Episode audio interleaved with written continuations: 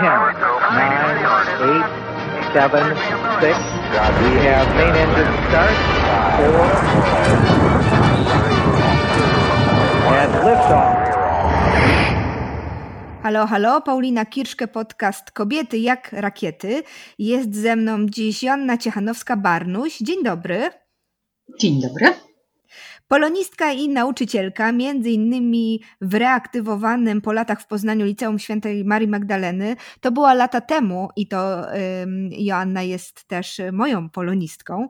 Kierowała przez lata pracownią informacji i wydawnictw w Ośrodku Doskonalenia Nauczycieli. Trenerka prowadząca różne kursy i szkolenia dla y, różnych grup wiekowych. Od 2007 roku aktywna w sektorze pozarządowym, ale też przez chwilę radna Sejmiku Województwa Wielkopolskiego. No i teraz wiceprzewodnicząca Miejskiej Rady Seniorów. Wszystko się zgadza? Wszystko. Jeszcze myślę, że dużo rzeczy mogłybyśmy podokładać do tej wymienianki. Pewnie tak, jak przy każdej kobiecie, wiesz, kobiety są wielofunkcyjne, w związku z tym trudno byłoby tutaj znaleźć jakąś kobietę, której nie można byłoby jeszcze wyszukać do, y, dodatkowych aktywności. U mnie tego sporo, bo ja taką aktywność mam sobie od dzieciństwa, więc jak człowiek osiągnie już ten wiek, który ja osiągnęłam, to potem ten zasób jest naprawdę duży. No właśnie, ale ja mam przyjaciółkę, która ma taką pewną teorię dotyczącą energii u kobiet i u mężczyzn, i jej teoria brzmi mniej więcej tak, że u facetów um, oni się rodzą z pewnym zasobem energetycznym i on w, w ciągu ich życia po prostu maleje, ucieka, aż na koniec zostaje im tylko to siedzenie na kanapie przed telewizorem. Natomiast kobiety mają takie urządzenie wbudowane, które pozwala im się nieustannie ładować. To jest prawda, ja się z tym zgodzę. Ja tak akurat dziś i od kilku dni jestem w takim okresie, kiedy naturalne baterie mi się wyczerpały, bo przeleciała nade mną całe stado wron i one zmieniły moje życie w ciągu krótkiego czasu w taki dość radykalny sposób.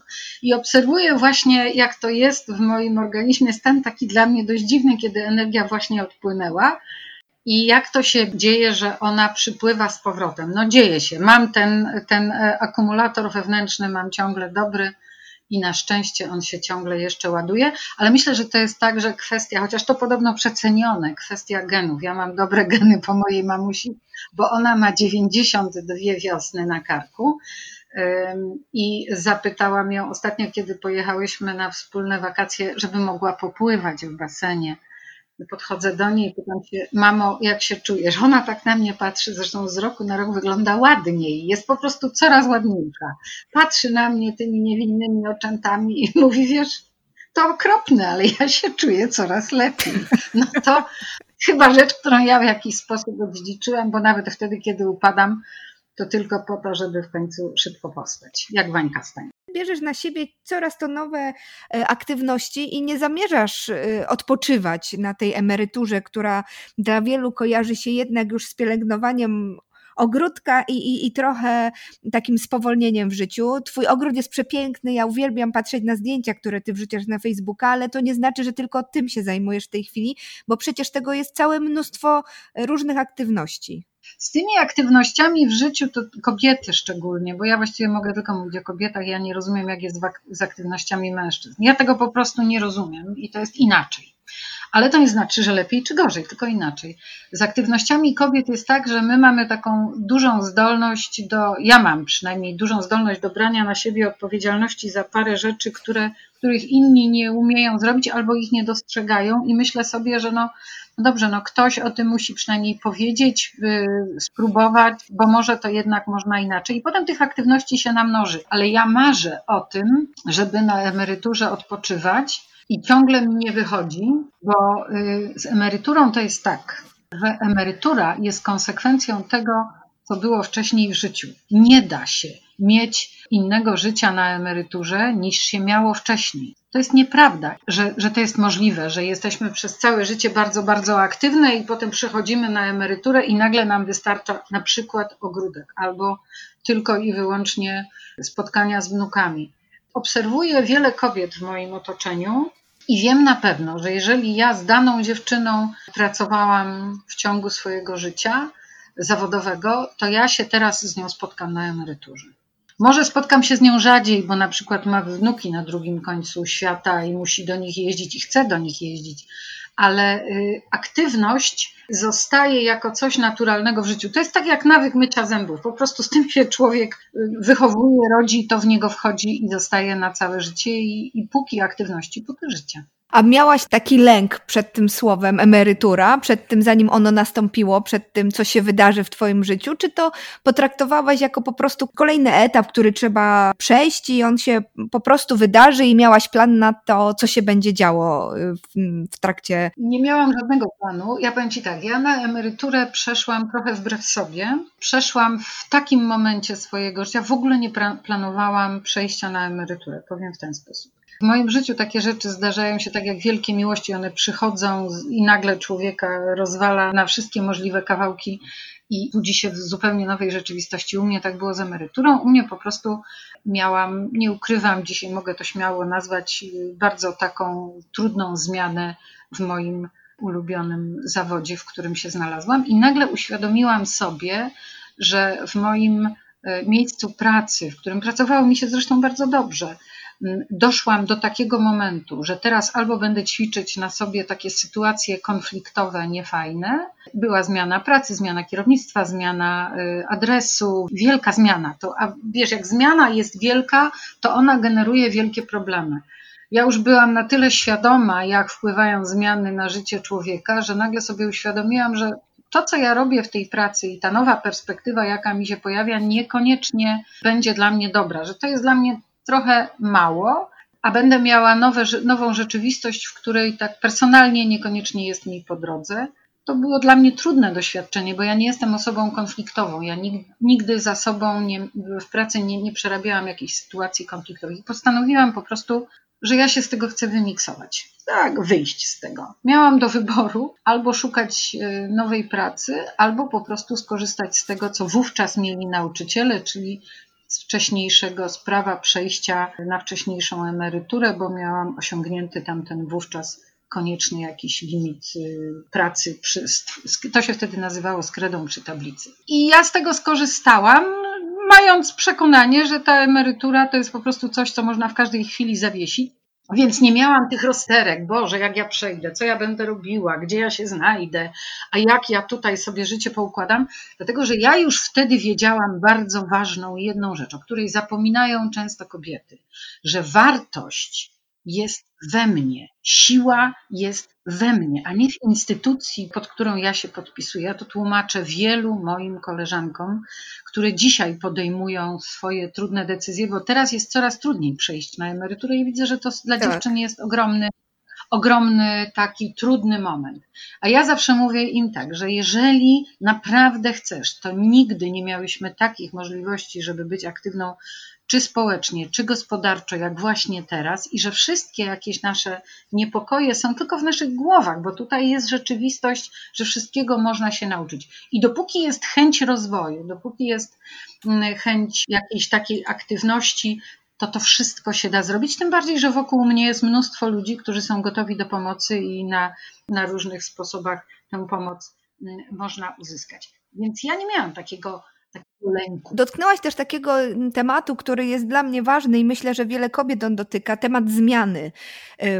Bo zmiany się bardzo często boimy, a mimo wszystko mam wrażenie, że kobiety potrafią sobie radzić z nią zdecydowanie lepiej. To znaczy, my jesteśmy jakoś tak już chyba naturalnie do niej przyzwyczajone, że ciągle coś w naszym życiu się zmienia. E, I ta zmiana, która do ciebie przyszła, to, to była też taka zmiana, którą ty przyjęłaś po prostu. Okej, okay, to teraz będzie tak, ale to wiązało się z tym, że trzeba było sobie życie na nowo układać?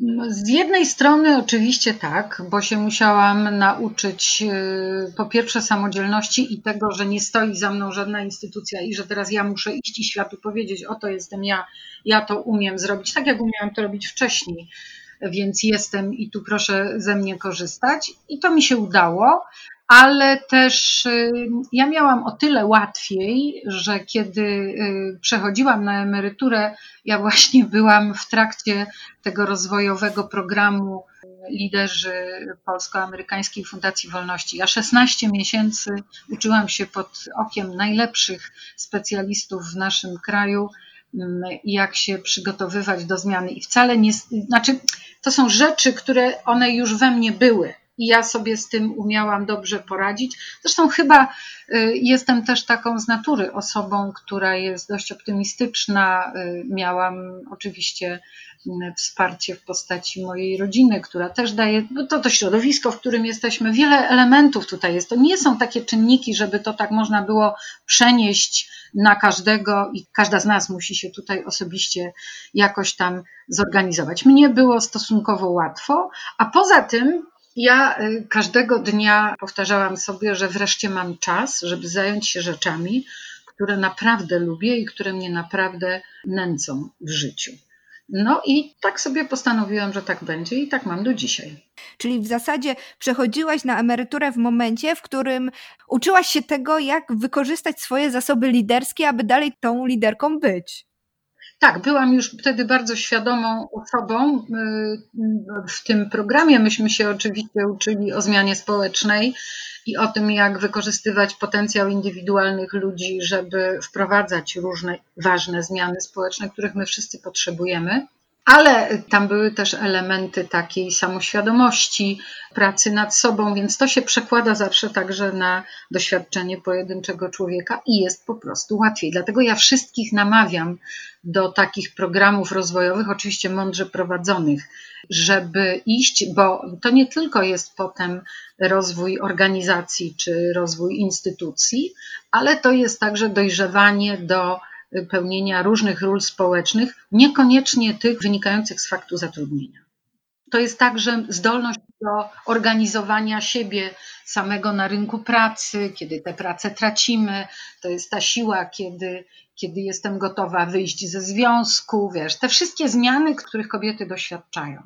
Powiedziałaś tu właśnie o tym, z czym kobiety mają często problem, czyli żeby wstać, powiedzieć: Oto jestem, mam takie umiejętności, umiem takie rzeczy, w życiu robiłam to i to i to, teraz jestem otwarta na propozycje, słucham. I to jest bardzo trudne, prawda, dla wielu kobiet, żeby wyjść właśnie z tej strefy, w której mamy za sobą jakąś instytucję. Często to dzieje się w czasie kryzysu, kiedy na przykład właśnie tracimy pracę albo chcemy zmienić swoje życie.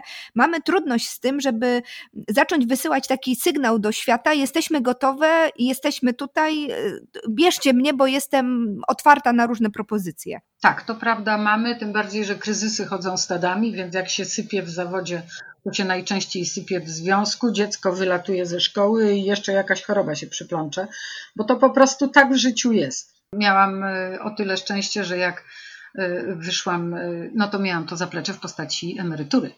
Tak, ja nie zostawałam na rynku pracy bez niczego, bo emeryturę miałam tam wtedy bardzo niewielką i właściwie groszową, ale też dość szybko ją zamknęłam, zawiesiłam i, i dopracowałam brakujące historie, właśnie wykorzystując to, że zgłosiłam się do instytucji, które szukałam instytucji, której mogłabym się przydać na zupełnie innych zasadach, ale znalazłam sobie taką pracę, która mi pozwoliła emeryturę podnieść potem i to się wszystko poukładało. Natomiast wyjście i powiedzenie, oto tutaj jestem, no wymaga dopuszczenia zdławienia tej dziewczynki trochę, o której rozmawiałyśmy przed nagrywaniem audycji, że w każdej z nas siedzi taka mała Paulinka i mała Joasia, która mówi, ale ja nie umiem, niech inni to zrobią za mnie. No więc tą dziewczynkę trzeba na chwilę odesłać do piaskownicy, a tutaj odpowiedzialnie usiąść i powiedzieć na Boga żywego, umiem to, to, to i to, zrobić sobie taki spis i zobaczyć, gdzie te nasze kompetencje i umiejętności mogą na rynku być przydatne i iść do przodu. To jest najważniejsze, zrobić ten pierwszy krok. Nie, on nie musi od razu przynosić jakichś tam super efektów, ale jeżeli rozpoczniemy jakąś drogę, to zawsze dojdziemy do celu. Jeżeli jej nie rozpoczniemy, to będziemy zawsze w tym samym miejscu. Ciągle nie jesteśmy wystarczająco dobre, żeby coś zrobić, prawda? Obojętnie ile już prac na ten temat nie napisałaś, ilu wykładów nie poprowadziłaś, jak przychodzi ktoś z propozycją, to ty mówisz, nie, to może kolega to zrobi, bo przecież ja jeszcze nie powinnam o tym mówić. Koledzy w ogóle nam się jawią jako mądrzejsi od nas pod każdym względem. No tak mamy zrobione i szkoła ten model bardzo skrupulatnie, niechcący zupełnie, bo to się dzieje gdzieś mimochodem, ale to jest nie do zmiany, bo to by trzeba było cały system zmienić. My byśmy musieli jednak zrobić to, co robią Finowie, czyli zacząć myśleć o tym, że przygotowujemy nasze dzieci do życia, a nie do matury. Aczkolwiek ta matura jest ważna. Jeszcze jest coś takiego, co, co mi dopiero otworzyło oczy, czytając różne książki, właśnie opowiadające i tłumaczące trochę, jak żyją dzisiejsze nastolatki. No zresztą mam jedną w domu, więc przyglądam jej się bacznie, ale to też koszmarną robotę robią e, media społecznościowe, bo dokładnie robią z dziewczynkami to, co cały świat, czyli masz być oceniana za to, jak wyglądasz, czy masz idealne życie i czy spełniasz oczekiwania innych ludzi. I trzeba skończyć 50 lat żeby sobie powiedzieć, że już niczych oczekiwań nie musisz spełniać, teraz masz zacząć spełniać oczekiwania własne. Po 60 rozumie się to jeszcze lepiej, bo wtedy już wiesz, że ci czasu zostało tak niewiele, że jak teraz nie zaczniesz, to już nigdy nie zaczniesz. I skończysz kurczę blade, pielęgnując wnuki i dziabiąc ogródek. No chyba, że to jest rzecz, która ci sprawia dużo przyjemności. W każdym bądź razie trzeba dojść do takiej granicy, kiedy już nie ma gdzie uciekać, żeby sobie uświadomić, że życie jest dla nas stworzone. Kiedy do tej granicy doszłaś? Pamiętasz ten moment? Ja nie wiem, czy ja już ją przeszłam. ja do niej dochodzę codziennie, bo codziennie jestem dokładnie w tym samym momencie, że wiesz, mi tu wraca, jeszcze to powinnaś, jeszcze to powinnaś, jeszcze to powinnaś. A ja potem sobie myślę, Matko Boska, nic nie powinnam, nie? Nic nie powinnam. Ja to mogę, jak będę chciała dzisiaj, nie chcę. Dużo kobiet, które y, przeszły na emeryturę, wiele takich znam, mają w ten sposób poukładane w głowie. Teraz ja jestem najważniejsza. I teraz zobacz, przechodzimy do tematu, który jest ostatnio moim największym konikiem, że nie mamy kompletnie przygotowanych miast do tego, co się dzieje w ludziach, którzy są no, przez nas postrzegani jako ta grupa, która ma zejść na margines. Oni wcale na żaden margines nie chcą schodzić. I my mamy miasta, nie mówię już o tych małych społecznościach, bo w małych społecznościach wbrew pozorom prędzej i szybciej coś zmienimy niż w dużych miastach. Nie mamy przygotowanego zaplecza do tego, żeby ci, którzy mają, uzyskali już z natury, z, z PESEL-u siwe głowy, żeby mogli realizować swoje potrzeby i animować miasto i ruchy społeczne i działania obywatelskie w taki sposób, żeby to miało taki pozytywny wpływ na całą społeczność. Czyli co w zasadzie? Czego brakuje? Ja jestem autorką takiego projektu, z którym się w Poznaniu tak przemykam przez gabinety kolejnych prezydentów, czy właściwie jednego prezydenta, ale kolejnych osób i urzędników.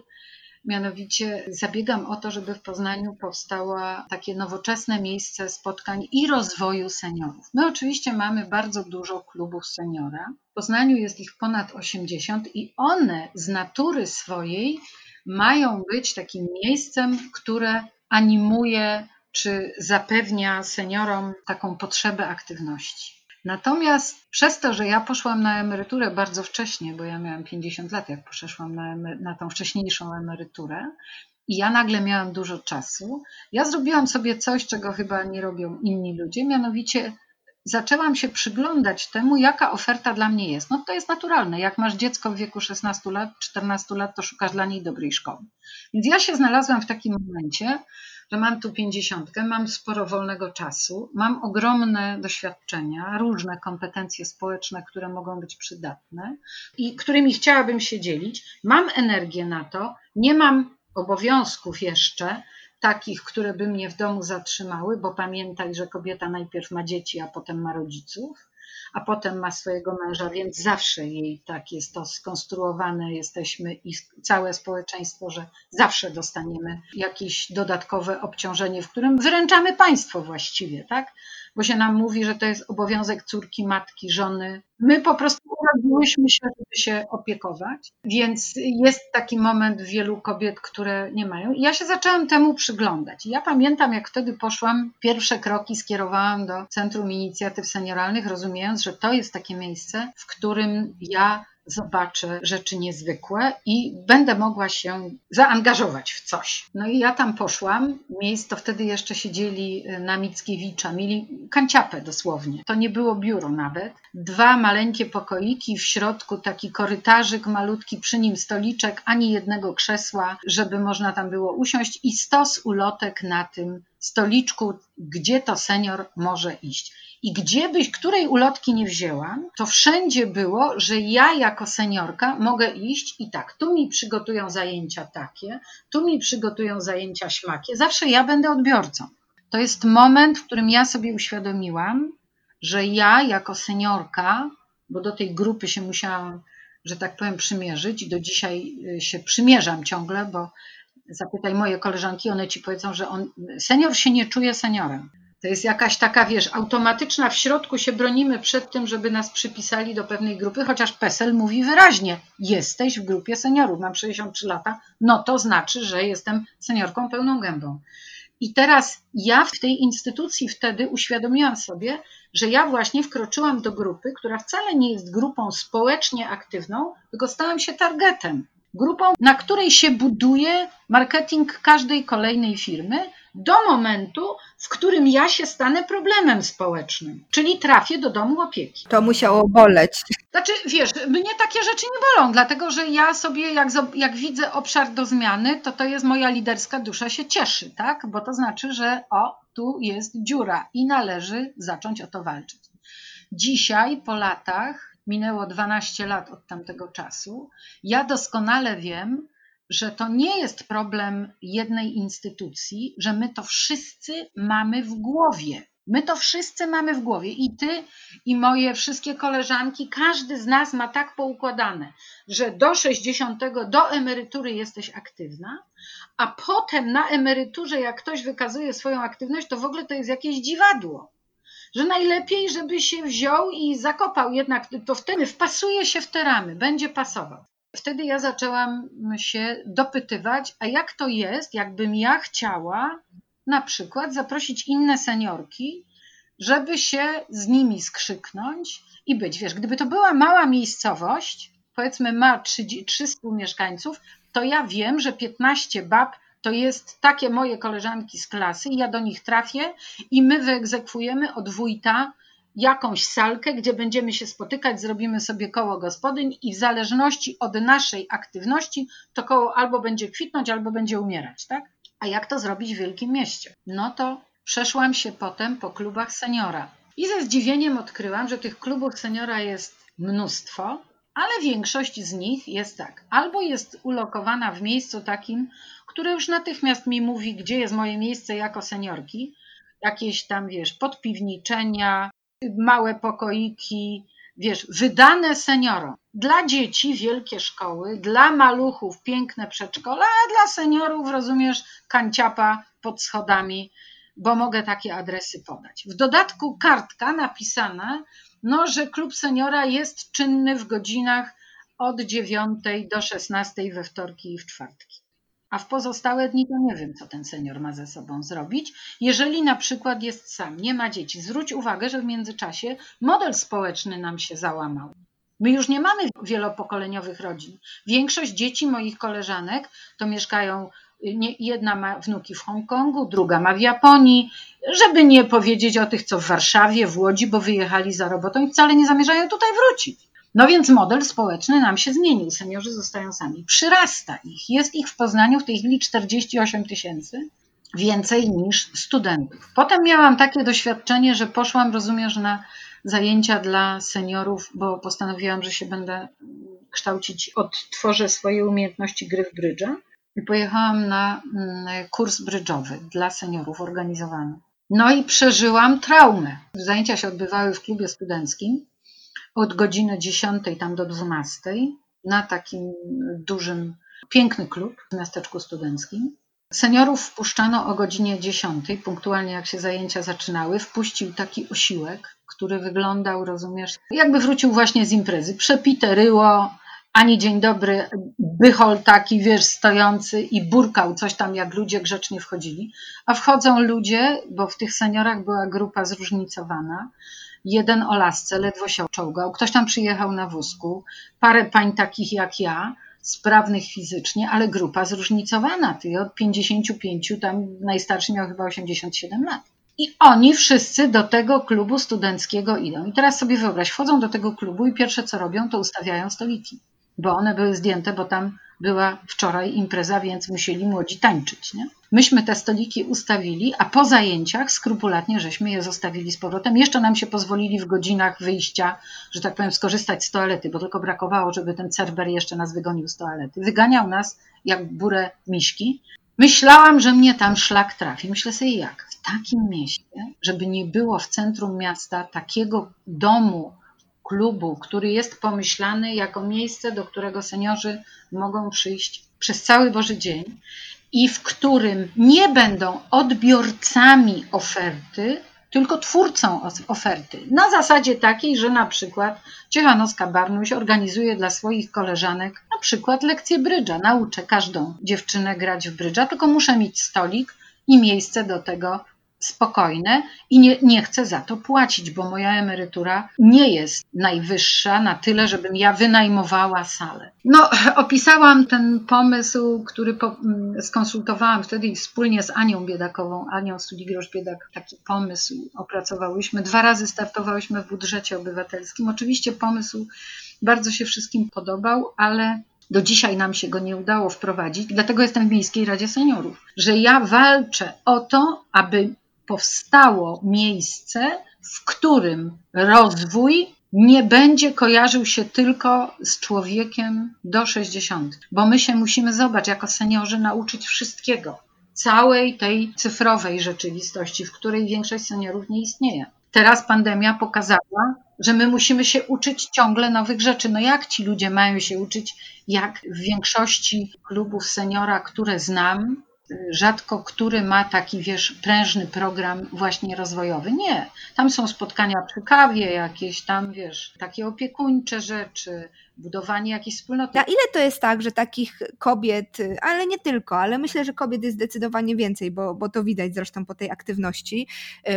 Jest mnóstwo takich, które by chciały coś jeszcze działać, robić i nie być właśnie tym odbiorcą tylko dawcą różnych aktywności, a ile jest takich, które już by właśnie wolały sobie usiąść i przy tej kawie, e, nie wiem, no poczekać, aż ktoś im coś zaproponuje. Ja znam bardzo wielu ludzi, którzy są animatorami.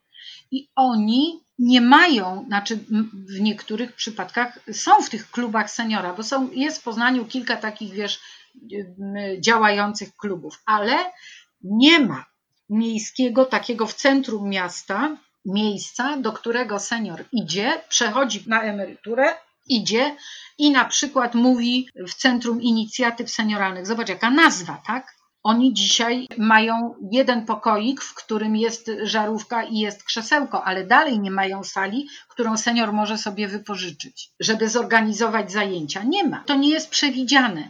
Trochę jest z tym tak, jak z ochronkami, które były zakładane na początku lat XX wieku, czy pod koniec XIX. Że najpierw się wszystkim mówiło, że to nie jest potrzebne, bo przecież jest matka, ale stwórz takie miejsce i zobaczysz, ilu będzie ludzi. Potrzeba aktywności intelektualnej jest potrzebą najgłówniejszą, szczególnie u wykształconego człowieka. Kobiety są świetnie wykształcone i ja znam tylko takie. Ja nie znam innych. Pani, która ciężko pracowała fizycznie y, w sklepie spożywczym, będzie miała inną potrzebę niż pani, która tak jak ja ciężko pracowała w obszarze animacji społecznej przez całe swoje życie. Mnie tego potem brakuje. I ja sobie zdaję sprawę z tego, że ja dla społeczeństwa jestem dużo bardziej przydatna, w sensie pożyteczna, może tak powiem, niż osoba, która tych kompetencji nie ma, bo ich w naturalny sposób nie nabyła w swojej drodze życiowej, tak? Ale ja je mam i będę żyła długo, ponieważ statystyczna Polka żyje coraz dłużej. Ponieważ dbam o siebie, prowadzę zdrowy styl życia, będę dłużej sprawna, więc warto zbudować społeczeństwo w taki sposób, żeby sprawność i gotowość tych ludzi, którzy na emeryturze są, wykorzystać dla wspólnego dobra. Ja to ciągle powtarzam.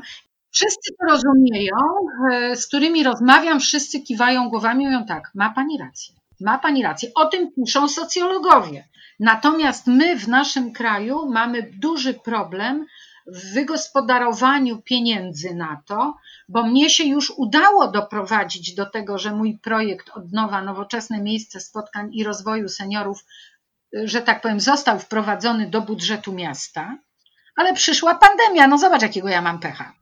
I się okazało, że nagle wszystkie wydatki, i przyszedł PiS, który obciął y, budżety samorządom, że wszystkie wydatki są obcinane. No, które obetniemy pierwsze? Te, które nam się wydają, że są fanaberią. A to nie jest żadna fanaberia, ale w głowie mamy napisane, że senior ma iść, takie przekonanie mamy, że ma iść na emeryturę i na tej emeryturze już będzie szczęśliwy. Otóż nie będzie szczęśliwy. A im mniej się da mu możliwości do aktywności i do bycia z innymi ludźmi i do uczenia się świata na nowo, bo on się musi tego świata nauczyć, tym prędzej będziemy mieli problem społeczny z osobami, którymi się będziemy musieli zajmować. Ja mam na przykład kuzynkę mojej mamy, osobę niezwykle aktywną przez całe swoje życie zawodowe, y, która nie miała dzieci i która na emeryturze przez pierwszy okres bycia na emeryturze popadła w depresję, bo y, no właśnie nie czuła się potrzebna, nie czuła się użyteczna, miała za sobą ogromne właśnie zasoby wiedzy, chęci, ciepła też do dzielenia się różnymi rzeczami z innymi ludźmi, a nagle się okazało, że tak naprawdę nikt jej nie potrzebuje. Tak jest. Ja znam mężczyznę, mojego kolegę, który w tej chwili jest bardzo aktywny społecznie, znalazł swoją ścieżkę, bo tu trzeba sobie po prostu wymyślić swoją starość, nie jakąś tam ścieżkę na siebie znaleźć. I on, rozumiesz, jak przeszedł na emeryturę, pierwsze trzy tygodnie jeździł przez 7 godzin tramwajem, żeby być z ludźmi i żeby jakoś przejść ten proces takiego, wiesz, rytmu, który miał w życiu przez cały czas, bo wstawał o 7 rano, szedł do roboty, 15 wracał. Więc on w tych godzinach wstawał jeździł tramwajem. Wyobrażasz sobie? Dzisiaj oczywiście swoją ścieżkę znalazł. Jest znakomicie funkcjonującym, rozrywanym fotografem i, i na tym i trochę zarabia i, i jest potrzebny i się czegoś tam nowego nauczył, ale my musimy stworzyć y, całe zaplecze takie, żeby właśnie ktoś, kto przechodzi na emeryturę, on powinien od miasta dostawać taki pakiet, no to teraz Ciebie zapraszamy. Czekamy na Ciebie z otwartymi ramionami. Na seniorów nikt nie czeka. Nikt. Znaczy czeka na nich jako na grupę targetową, to tak. I to jest zmiana, którą trzeba przepracować. Oczywiście po drodze nie wolno zgubić tych, którzy są, wymagają opieki, ale najłatwiej nam budować formułę opieki, bo to umiemy. Myśmy to wypracowali przez kolejne dziesięciolecia. A teraz musimy znaleźć sposób na to, jak zagospodarować aktywność, żeby ją a przedłużyć, o tym mówią wszyscy lekarze, że warunkiem dobrej starości jest aktywność. Ja postanowiłam żyć do setki, ponieważ po pierwsze mam dobre geny i wzorce, a po drugie mam taką potrzebę, w związku z czym, żebym do tej setki dociągnęła samodzielnie, to ja muszę być aktywna. Ale ty to sobie sama umiesz załatwić, tak. prawda? Bo ty jeździsz cały czas na rowerze tak. i, i, i, prowadzisz też, teraz już rozumiem, że z potrzeby tego, aby aktywizować inne kobiety, na przykład zajęcia dotyczące zdrowej diety, zapraszacie e, specjalistów, którzy o tej zdrowej diecie opowiadają. To jest mnóstwo rzeczy, które e, proponujesz swoim e, znajomym, koleżankom, kolegom, seniorom. Powiem Ci o dwóch moich wielkich sukcesach i one wynikają z moich aktywności. Oczywiście, wiesz, jest to jest dyskusja właśnie o tym, kim jest lider. Lider to jest ten, który wprowadza zmiany. Nie ten, który jest na pierwszych, y, na pierwszych tam y, tytułach gazet, bo to nie o to chodzi. Lider to jest ten, który jest zainteresowany, a nie interesujący, rozumiesz? Więc ja Ci powiem o dwóch moich sukcesach, z których jestem niezwykle dumna. I y, uważam, że to jest skuteczna i prawdziwa zmiana. Pierwsza zmiana jest taka, że jesteśmy w tej chwili jedyną miejską radą seniorów, która się systematycznie spotyka mimo pandemii. I to ja zapraszam na organizowane przeze mnie spotkania na Zoomie wiceprezydenta, który się zajmuje sprawami seniorów, na kolejne spotkaniach, żebyśmy mogli w spokoju rozmawiać o tym, co dla seniorów jest ważne. To jest mój wielki sukces, ponieważ jak dotychczas, z tego co wiem, w Polsce żadna miejska rada nie ruszyła, wszyscy czekają, aż się skończy pandemia. Jakby seniorzy mieli ręce obcięte, a wszyscy korzystają z internetu.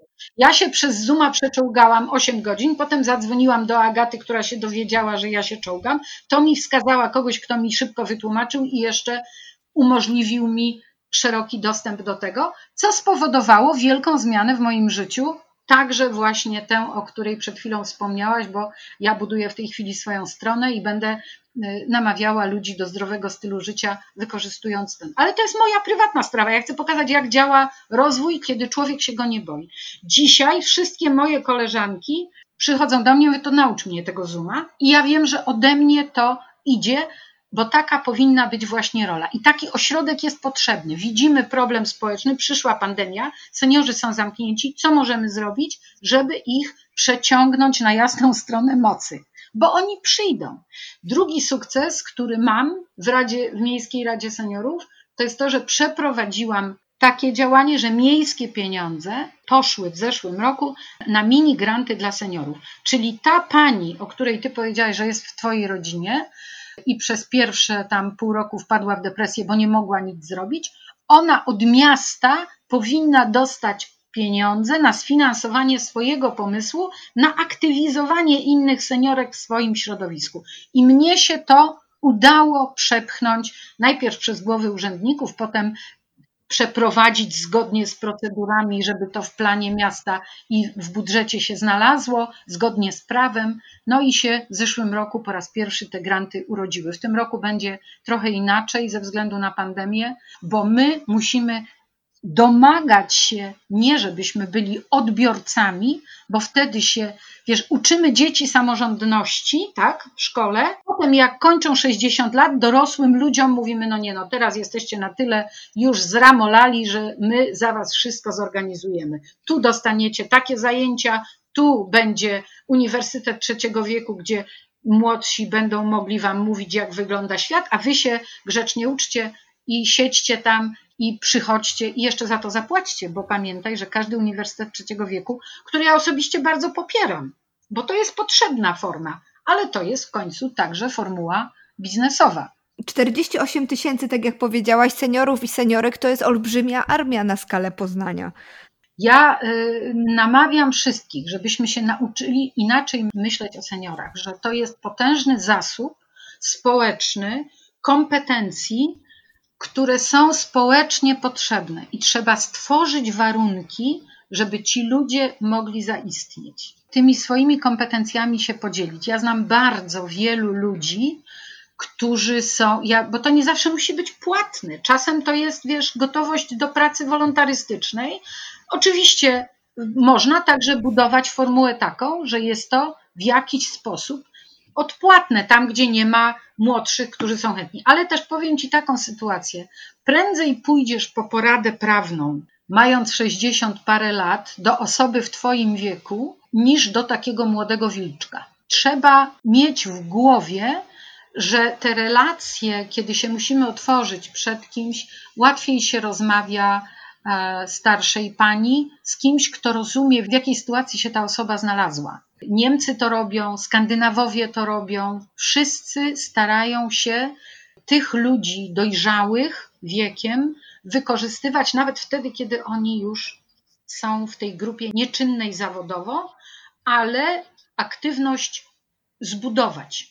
Tak, bo nam się wydaje, jakby, jakby to za, nie wiem, przechodzisz na emeryturę, więc za dotknięciem czarodziejskiej różdżki zapominasz w ogóle to wszystko, czego do tej pory się nauczyłaś, co w życiu robiłaś, i teraz będziesz tylko siedzieć w domu przed telewizorem i ewentualnie robić zaprawy na zimę. Przy kobietach mamy jeszcze inną taką historię, że kobiety zawsze chcą mieć ładnie posprzątane i dom czysty i schludny, albo przynajmniej taki wzorzec pokutuje. No i one wtedy uciekają w to mycie okien i w te prania nieustanne i w te inne rzeczy. Ale y, mają do tego prawo. Natomiast jest cała armia, biorąc pod uwagę właśnie, że wydłuża nam się wiek, zmienia nam się status społeczny, z którego odchodzimy na emeryturę, zmieniła się sytuacja rodzinna. Dzieci mamy na całym świecie, bo świat się otworzył. Mamy zupełnie nowe sytuacje społeczne. To wymaga ogromnej wizji u rządzących, żeby oni ten problem ogarnęli na współczesne potrzeby, a nie na te potrzeby, w których oni sobie, w których wyrośli, bo tamtego świata już nie ma.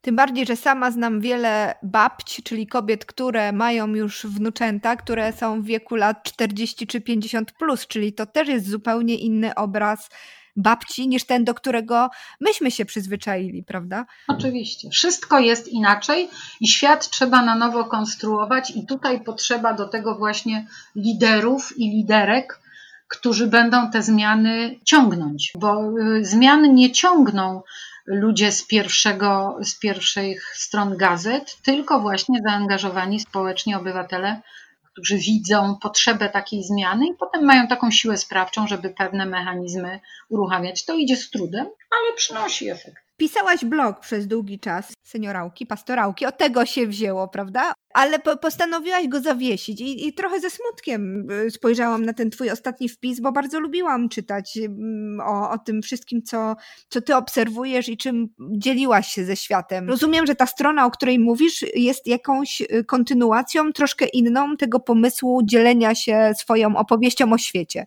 Na razie ci nic nie powiem, ale będzie w głowie, już mam wszystko poukładane.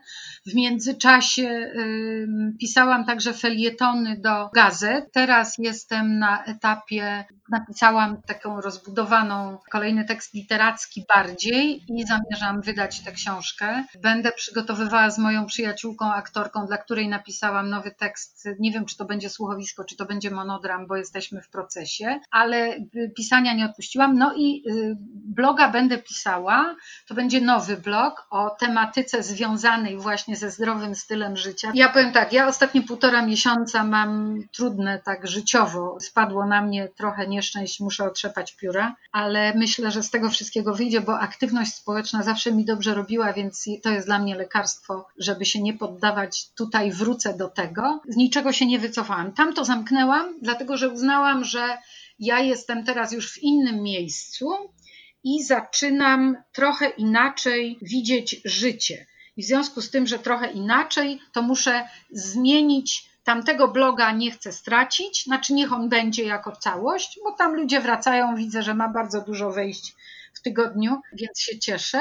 Natomiast y, będzie nowy i on będzie związany także z moją nową aktywnością, o której już powiem na tej stronie i na tym blogu. Jako osoba aktywna cały czas jesteś w takim procesie zmiany. To znaczy, że sama sobie dajesz pozwolenie na to, żeby się zmieniać i idziesz troszkę za tymi wszystkimi ścieżkami, które się otwierają. Za chwilę, jak skończymy tę rozmowę, poproszę Ciebie, żebyś mnie nauczyła tego, nad czym sama teraz pracujesz, ponieważ podpowiedziałaś mi sposób na to, w jaki mogę wzbogacić swoją nową aktywność, nagrywając takie same czy podobne, może nie tak dobre jak Twoje, ale podcasty i rozmowy z ludźmi, których chciałabym zaprosić i będziesz dla mnie, jak widzisz, kolejnym filarem mojego rozwoju. To jest właśnie ten proces. Dla mnie zmiana jest czymś tak naturalnym jak oddychanie. Zmiany się nie wolno bać, zmiany należy, należy wychodzić i wszystko, co nowe, przynosi mi zawsze nowe doświadczenia, nowe możliwości, i jest szansą na rozwój, a jak jest szansa, to jest nadzieja na lepsze. I tak właśnie uczennica staje się nauczycielką i odwrotnie, ale tak e, ładnie chciałabym, żebyśmy sfiniszowały e, tą naszą rozmowę tym, o czym rozmawiałyśmy już jakiś czas temu, czyli o tym e, niezwykłym przedsięwzięciu, w którym również brałaś udział, czyli muralu, który powstanie w Poznaniu, a który będzie właśnie trochę opowieścią graficzną siłą rzeczy o poznańskich seniorach, ale nie tylko seniorach. To bardzo ciekawy projekt i mm, warto o nim powiedzieć, y, dlatego że on jest właśnie przykładem, jak y, zmieniamy myślenie o świecie i jak to potem się przekłada na nasze realne życie. W CISie powstała koncepcja, że można byłoby zrobić jakiś mural. Zgłosili się pracownicy Centrum Inicjatyw Senioralnych do prezydenta i to się zbiegło znakomicie z festiwalem warstwy, który w Poznaniu jest organizowany przez Uniwersytet Artystyczny i gabinet prezydenta miasta Poznania. W związku z tym zainicjowano, rzucono pewną myśl, ona spadła na podatny grunt. Oto u zbiegu ulic Wodnej i Ślusarskiej w ciągu najbliższych kilku dni będzie powstawał nowy mural poświęcony seniorom. Mnie poproszono jako wiceprzewodniczącą Miejskiej Rady Seniorów, bym spotkała się z paniami, które będą ten mural realizowały. One miały go wymyślić i będą go malowały. Ja poszłam na te zajęcia bardzo ciekawe, co tam się ma wydarzyć. Panie są zaangażowane są y, słuchaczkami Uniwersytetu Trzeciego Wieku prowadzonego przez Uniwersytet Artystyczny. W Poznaniu takich uniwersytetów trzeciego wieku jest dziewięć, więc to jest bardzo prężny ruch. Tutaj wielu seniorów z tego korzysta. Panie nie wiem, czy się znały, chyba, chyba sądząc po tym, jak się grupa komunikowała między sobą, to chyba nie, nie współpracowały dotychczas ze sobą. No i ja byłam na pierwszym spotkaniu i opowiadam teraz kulisy powstania tego muralu, ponieważ najciekawsze było to, że zanim myśmy usiadły do pracy, to przybiegli dziennikarze, którzy się dowiedzieli, że taki mural będzie. No i oczywiście rozmawiali z nami, rozmawiali także ze mną.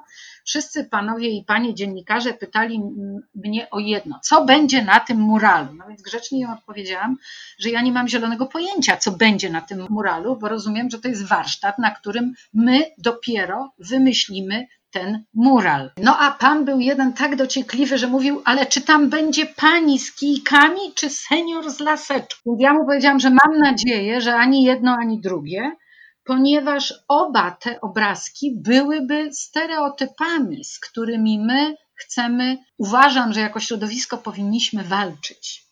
Że my mamy właśnie zmieniać te stereotypy myślowe, bo one zamykają nas w domach i nie są niczym dobrym, Także dlatego, że utrwalanie tych stereotypów jest strzałem w kolano dla kolejnych seniorów, którzy przyjdą, bo ja wszystkim powtarzam seniorom, że wcale nie budujemy Poznania senioralnego dla siebie, tylko dla ciebie, Paulina. Bo ty za chwilę dotrzesz do tego miejsca, w którym już powinny być instytucje, które cię powitają radośnie, a nie, że ty padniesz w depresję, bo nie masz co robić. Tobie to akurat nie grozi, bo my się spotkamy i będziemy razem pracowały, ale twoje koleżanki, których my jeszcze nie znamy, mogą takie coś przeżyć. No więc panowie byli dziennikarze zawiedzeni, a myśmy usiadły do pracy i zaczęłyśmy ze sobą rozmawiać. I bardzo szybko się okazało, że każda jest zupełnie w innym temacie. Jak ja wyszłam po tych zajęciach, to wiedziałam tylko jedno, że byłam mocnym głosem mówiącym o tym, żeby to było przeciw stereotypom, żebyśmy nie uciekły w żadne stereotypy, ale widziałam, że rozmawiam z osobami bardzo twórczymi. Następnego dnia odbyły się drugie zajęcia. Ja w nich nie uczestniczyłam, bo miałam jakieś swoje inne umówione wcześniej spotkania, a wieczorem dostałam projekt, co te dziewczyny wypracowały. Nie będę opowiadać o tym projekcie, ale uważam, że jest znakomity i nie będę opowiadać właśnie dlatego, żeby każdy poszedł i zobaczył i odczytał to przesłanie, które jest w ten mural wpisane.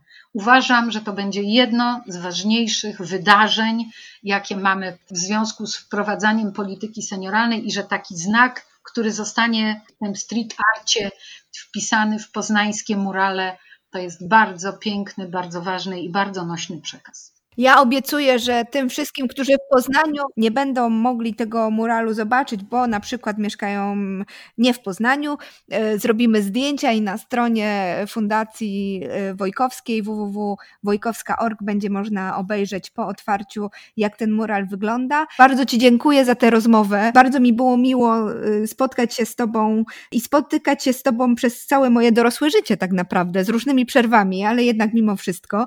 Joanna Ciechanowska, bardzo Arnuś była moim e, gościem e, w dzisiejszym podcaście Kobiety jak rakiety. Dziękuję i do zobaczenia na różnych i w różnych miejscach Poznania i myślę, że nie tylko. Dziękuję bardzo i do zobaczenia. 10, 9, 8, 7, 6. We have main engine start. 4. And liftoff.